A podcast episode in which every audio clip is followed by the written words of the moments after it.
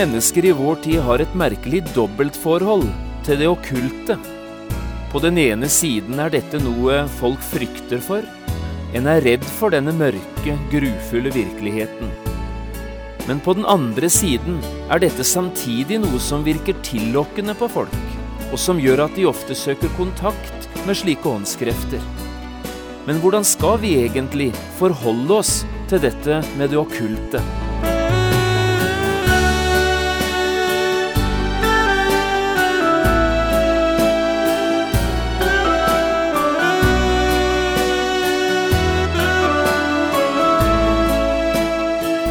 Hjertelig velkommen til et nytt program i serien Vindu mot livet. Programmet er produsert av Kristen Riksradio og blir ledet av Jon Hardang. Kristen Riksradio drives av frivillige gaver. Vi er glade for din støtte.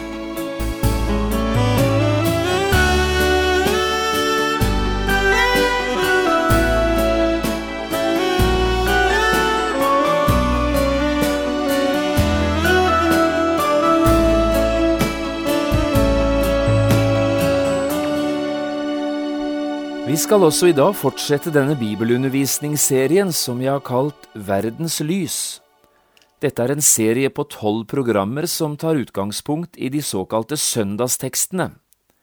Du kan få kjøpe hele denne programserien på CD ved å henvende deg til Kristen Riksradio. Bibelavsnittet vi nå skal lese sammen, er hentet fra Lukasevangeliet, og du skal få høre hva som skjedde en dag Jesus kom tilbake til sin egen by, Kapernaum, og besøkte synagogen på en sabbatsdag. Dette ble ikke akkurat en helt alminnelig sabbatsfeiring, som du snart skal få høre. Vi leser fra Lukasevangeliet i kapittel 4, vers 31 til 37. Jeg har kalt dagens program Hva er dette for et ord? Jesus dro ned til Kapernaum, en by i Galilea, og lærte dem der på sabbaten. De var slått av undring over hans lære, for hans tale var med myndighet. I synagogen var det en mann som var besatt av en uren ånd. Han ropte med høy røst, Å, hva har vi med deg å gjøre, Jesus fra Nasaret? Du er kommet for å ødelegge oss. Jeg vet hvem du er, du Guds hellige. Men Jesus truet ånden og sa, Ti, og far ut av han. Den onde ånden kastet mannen ned midt iblant dem og for så ut av ham, uten å skade ham. Da kom det forferdelse over dem alle. De samtalte med hverandre og sa, Hva er dette for et ord? Med myndighet og kraft befaler han de urene ånder, og de farer ut og ryktet om Jesus kom ut til hvert sted i omegnen.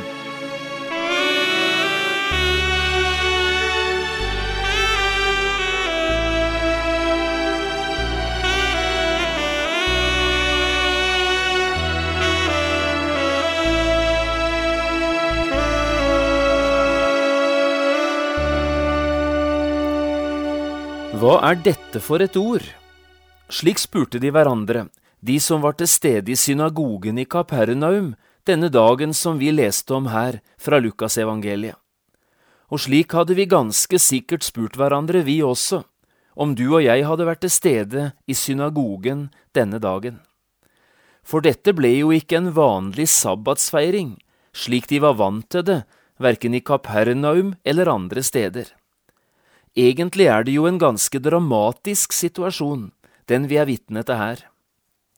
Midt under sabbatsfeiringen står det altså fram en mann midt i synagogen som er besatt av en vond ånd. Og mannen gir seg til å skrike med høy, skingrende røst. Hva har vi med deg å gjøre, Jesus fra Nasaret? Du er kommet for å ødelegge oss. Jeg vet hvem du er, du Guds hellige. Og så taler Jesus til den vonde ånden. Han truer den, og dermed farer ånden ut av mannen, etter først å ha kastet han rett i gulvet, men likevel uten å gjøre skade på han. Jeg synes ikke det er det minste rart at de ble forskrekket, de som var vitne til det som her skjedde. og Lukas forteller da også det kom forferdelse over dem alle. Og så ble spørsmålet reist mens de samtalte med hverandre i synagogen. Hva er dette for et ord? Med myndighet og kraft befaler han de urene ånder, og de farer ut. Besatte mennesker hadde de nok sett før, alle de som var i synagogen, for dette var langt vanligere å se i Bibelens Israel enn det er i Norge i våre dager. Men disse ordene som de hørte fra Jesu egen munn, og så den virkningen som disse ordene hadde på den urene ånden, det var noe annet enn det vanlige. Og derfor så de på hverandre og spurte, Hva er dette for et ord? Og nettopp dette spørsmålet synes jeg vi skal ta opp i dag, på bakgrunn av det vi nettopp leste.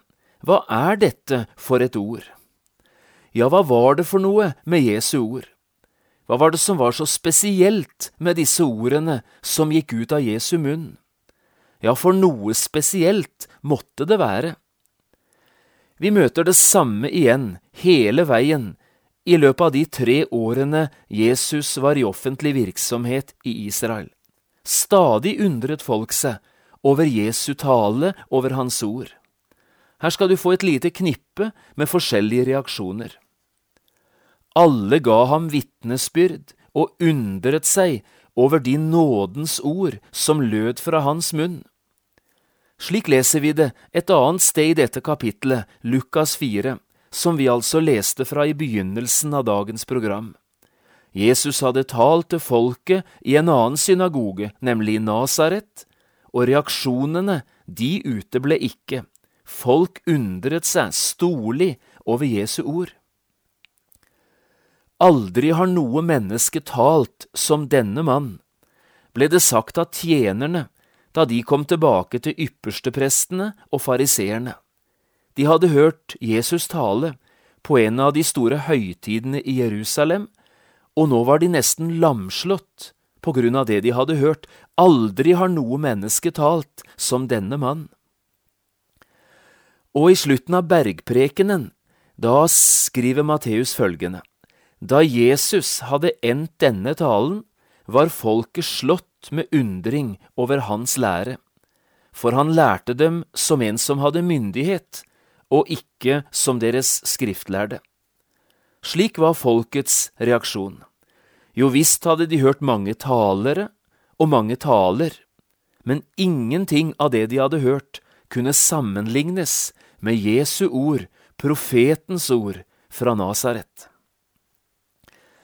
Hva er dette for et ord? Slik spurte de altså, også i synagogen i Kapernaum. Og dette skal vi øyeblikkelig snakke litt mer om, og kanskje prøve å gi noen svar på. Hva er dette for et ord?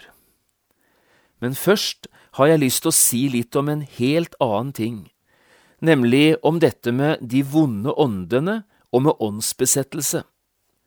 Hvordan skal vi forholde oss til slike ting i dag? For det virker unektelig nokså fremmed på oss, en del av det vi her leste. Skal vi lese dette og forstå det akkurat slik det er skrevet?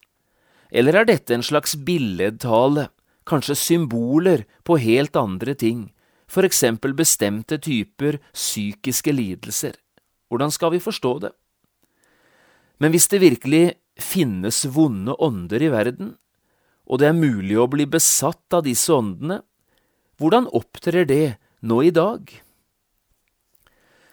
I vår tid syns jeg vi møter et merkelig dobbeltforhold til dette med besettelse og vonde åndskrefter. På den ene siden, i vår såkalte opplyste tid, er det få som sier de tror på dette med demoner eller vonde ånder. Og rasjonalistisk innstilte teologer og predikanter, både før og nå, de har lite og ingenting å fortelle oss om ting som dette. I stedet bortforklarer de det hele, eller de gjør det til symbolfortellinger som handler om helt andre og mer generelle ting i tilværelsen. Men samtidig med dette synes det å vokse fram en stadig økende interesse for okkulte ting. Det er mer mellom himmel og jord enn vi kan se og forstå, sier folk flest og det er ikke uvanlig å se både hverdagsmennesker eller folk på en konsertscene som både dyrker og tilber Satan og det vonde. Noe av dette kan sikkert være et slags skuespill, men i mange tilfeller virker det som det dreier seg om harde realiteter. Av og til handler det om mer uskyldige ting, som spiritisme, spådomskunst, åndemaning, sjamanisme, astrologi og kanskje ulike alternative behandlingsformer. Dette er det et enormt marked for i vår tid. Bare les tabloidavisene, for eksempel Dagbladet, så skal du se hvordan tilbudene de florerer. Det kunne sikkert vært sagt mange ting om det okkulte, men la det være med dette, og la oss så spørre, hvordan skal vi i dag, som mennesker og som kristne, forholde oss til denne vonde virkeligheten? Her har jeg lyst til å gi et par–tre konkrete signaler. For det første, det finnes en mørk og vond virkelighet. La iallfall det stå fast. Like sikkert som det finnes en god Gud og en talløs skare av engler, like sikkert finnes det en vond Satan og en ondskapens ånde her i himmelrommet. Begge deler er en realitet, og skal verken fornektes eller bortforklares. Og nettopp derfor skal vi søke Gud, prøve å leve Gud nær, og på den måten ruste oss for den åndskampen som fremdeles foregår på denne verdens arena. For det andre, vi skal holde oss langt borte fra alt som har med okkulte ting å gjøre. Og dette gjelder ikke bare de alvorlige tingene, slik som satanisme eller djeveldyrkelse. Det gjelder også de mer såkalte uskyldige tingene, som jeg for et øyeblikk siden satte litt ord på. For slike ting, de kan sette oss i forbindelse med de vonde åndene, skriver Paulus i første Korinterbrev 10. Og det Paulus her sier, det sier han med et både tydelig og alvorlig tonefall. Og så det tredje, Gud er sterkere enn Satan. Det betyr at den som følger Jesus og vil leve med Gud hver dag, han er trygg i Jesu følge. Guds egen ånd har jo tatt bolig i en kristens hjerte, og Han, Den hellige ånd, vil beskytte og bevare oss fra det vonde. En kristen vil alltid kunne bli angrepet av det vonde utenfra, men å bli besatt av vonde ånder, det blir en kristen ikke, i alle fall ikke så lenge Guds ånd bor inne i hjertet. Den tryggheten skal også du få eie og glede deg over, du som hører nå, og som er barn av Gud. Ingen skal kunne rive deg ut av Guds hånd. Men så tilbake til hovedsaken. Hva er dette for et ord? Slik spurte de altså i synagogen i Kapernaum. Hva er det for noe med disse ordene som går ut av Jesu munn? Hva er dette for et ord? Det første jeg har lyst til å understreke, må være dette. Jesu ord var et annerledes ord. Dette har vi allerede sagt litt om. Aldri har noe menneske talt som denne mannen, ble det altså sagt om Jesus, og det med rette. Men hva var det egentlig for noe med ordene hans? Jo, svaret er ganske enkelt. Jesu ord var Guds eget ord, altså et levende ord. Det var sterke, skapende og frelsende ord, i motsetning til alle andre ord som bare er menneskeord, med alle de svakheter og begrensninger som slike ord har ved seg. Bibelen forteller om en god del mennesker som hadde oppdaget dette, altså kraften i Jesu ord, og som selv fikk oppleve virkningen av Hans ord i sitt eget liv. Hør på dette. Si bare et ord, sa en romersk offiser en gang til Jesus, så blir gutten min helbredet. Og det skjedde. Jesus ga offiseren sitt ord, og dermed var gutten hans frisk. Stå opp, ta din seng og gå hjem til ditt hus, fikk den lamme mannen høre, også dette i byen Kapernaum. Og da mannen hørte det ordet, reiste han seg straks opp og var helbredet. Jesu ord ble nøkkelen for han til et helt nytt liv. Lasarus kom ut, ropte Jesus på en gravplass utenfor byen Betania. Og Jesu ord denne dagen skulle vise seg å være sterkere, til og med enn døden. Livets høvding talte livets ord, og dermed måtte selv døden vike. Du har kanskje også noen erfaringer av dette, du som lytter nå, hva Jesu ord også i dag kan utrette i et menneskeliv. Og hvis du ikke har erfart dette, ja, så kan du erfare det her og nå.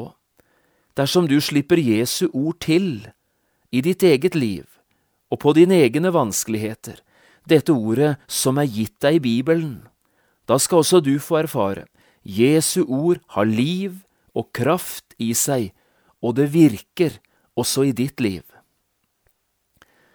For det andre, Jesu ord kan sette fanger fri. Ingen av oss som hørte historien lest, den vi har foran oss i dag, kan være i tvil om at denne besatte mannen i synagogen i Kapernaum var et bundet menneske.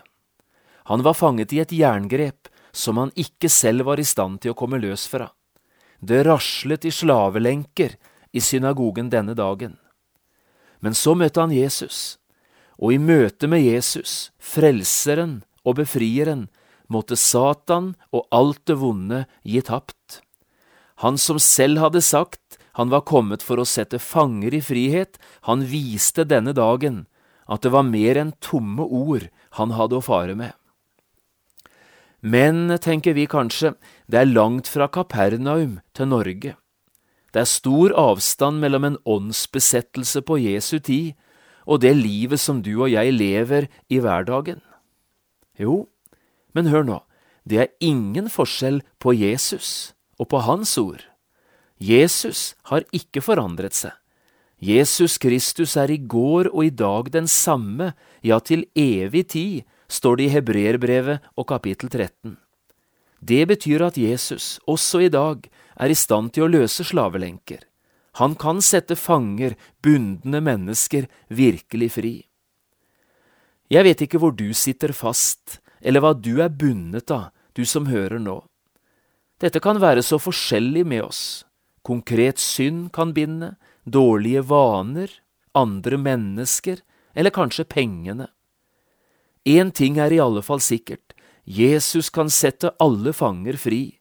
Jesu ord er i stand til å sprenge alle slags lenker og bånd i filler. Nei, jeg vet ikke hvor du sitter fast, du som lytter nå, men jeg vet at hver den som påkaller Herrens navn, han skal bli frelst, og at Jesu ord er sterkere enn alt det som du måtte være bundet av. Og så en tredje ting. Jesu ord er seierherrens ord.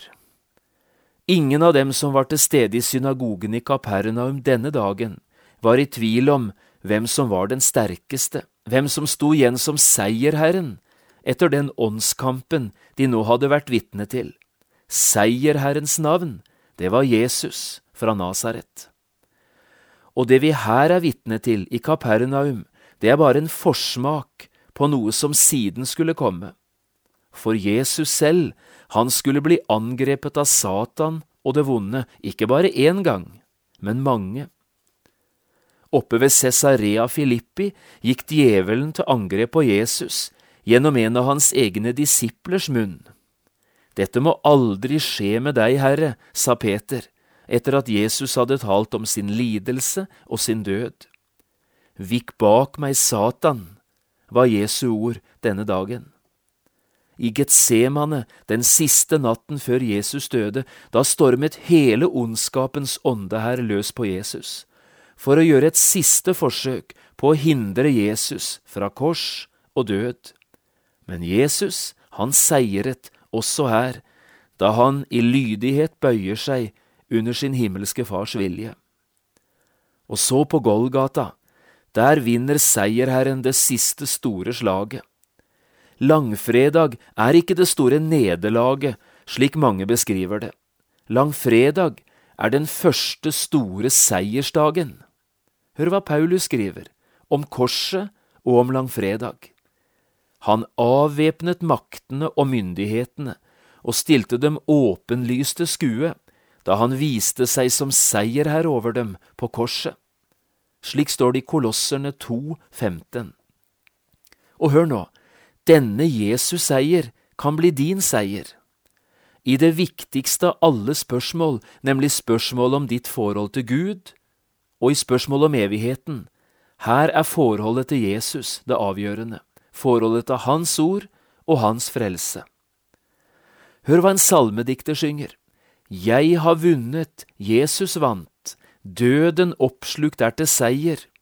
Jesus mørkets fyrste bandt, jeg den kjøpte frihet eier. Åpen har jeg himlet funnet, Jesus vant, og jeg har vunnet. Slik står det i salmen, og slik kan også du få oppleve det, du som lytter nå, om du bare vender deg til Jesus og lar hans seier bli din seier. For hensikten med Jesu ord er å vise deg og meg at vi har bruk for Jesus selv. Jesu ord vil knytte deg fast til Jesus selv og til hans store frelse. Og så til slutt. Dette Jesu ord må fremdeles få lyde over hele verden. For fremdeles er det så mange som har bruk for å få høre dette ordet, så de kan bli løst og fri, frelst og bevart. I Kapernaum var det Jesus selv som forkynte ordet. Siden var det tolv apostler som bar Jesu ord utover i verden. Men i dag er det du og jeg som har ansvaret. Det ordet som lød i synagogen i Kapernaum, og som fylte menneskehjertene den gangen, det må også i dag få lyde utover i verden, og fremdeles få anledning til å fylle menneskenes harde og tomme hjerter. Dette er kallet i dag fra synagogen i Nasaret. Slipp ordet om Jesus løs på menneskehjertene, så de kan bli frelst. Hør nå, vil ikke også du som lytter her, gå inn i denne ordets tjeneste? Jesu ord har ikke mistet sin kraft, og fremdeles er det så mange som har bruk for å få høre dette ordet. De må bli frelst. Tenk om du og jeg ville besvare kallet fra Kapernaum, slik profeten Jesaja gjorde det den dagen han sto for Guds ansikt. Herre, her er jeg, send meg. Om du svarte slik, skulle det sannelig merkes, også i dine omgivelser.